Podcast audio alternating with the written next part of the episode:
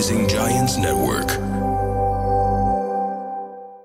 هذه الحلقة جدا قريبة على قلبي ومميزة. فراح أقول لكم قصة لحظة مع ميس. شلون بلشت؟ ما راح أطول عليكم ما بيها حكمة. وايا حكم سمعناها من بعدها بس حنعيش أجمل لحظات لحظة مع ميس مع بعض. كنت أنا وباسل باسل اللي هو صاحب Rising Giants Network البودكاست مثل ما تشوفون برعايتهم. زميلي بالجامعة صار لنا عشر سنين ما تكلمنا مع بعض. فاتصل بي في يوم من الأيام بعز كورونا. يجيني message على فيسبوك أصلا ما عنده رقمي. يا عزيزتي ميس long time وفترتها صدفة كمية الشركات اللي عندهم بودكاست متواصلين معاي يريدوني أعمل بودكاست وأنا رافضة لأنه ما كان عندي وقت ولا إلي خلق أقعد تعال سجل محتوى. ومين يسمع بودكاست بوقتها قبل سنتين عالم البودكاست ما كان مشهور بالعالم العربي. فالمهم باسل تواصل معاي ممكن أخذ رقمك ادش للشغل. كلمته قال لي يا ميس نريد نعمل بودكاست قلت له لا. قلت له باسل لا ما عندي أفكار وما عندي وقت. قال لي طب بس فكري فيها. قلت له okay لأنه هو صديقي من جامعة وعزيز علي قلت خلاص okay خلينا نفكر بشيء اذا إذا طلعت فكرة طلعت.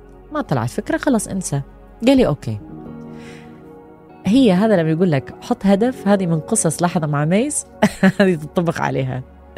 الهدف اللي كان عندي إياه إني أطلع بفكرة ببودكاست. بس ما تعلقت فيها. يعني كنت حطتها بالعقل اللاواعي وقلت هي زي ما تيجي تيجي.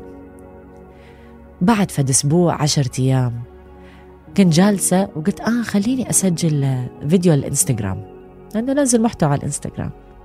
قريت قصة. بعدني أتذكر هالقصة. قصة الفيل أو مخيم الفيلة اللي تطبق على معتقدات حياتنا. إذا بعدكم ما سمعتوها لازم تروحون تسمعوها. لأن رجعنا سجلناها في بودكاست لحظة مع ميس المهم حكيت هذه القصة اللي فيها حكمة جدا جميلة وقلت الحكمة من وراها. أني ودا أسجل الفيديو إجاني هال light bulb moment آه هذه فكرة. بسرعة اتصلت بباسل. قلت باسل شو رأيك؟ قصة وحكمة. قال لي حبيت. عمل مكالمة على الزوم بوقتها ما كان فيه لسه.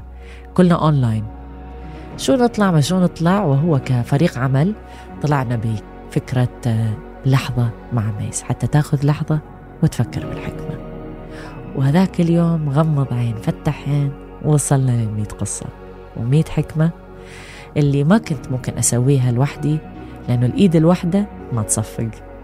حكينا أمثال حكينا قصص وعشت أيام جدا جميلة. والأيام القادمة إن شاء الله تكون أجمل. حتى لحظة مع ميس وصلت للسماء هي طيران الإمارات.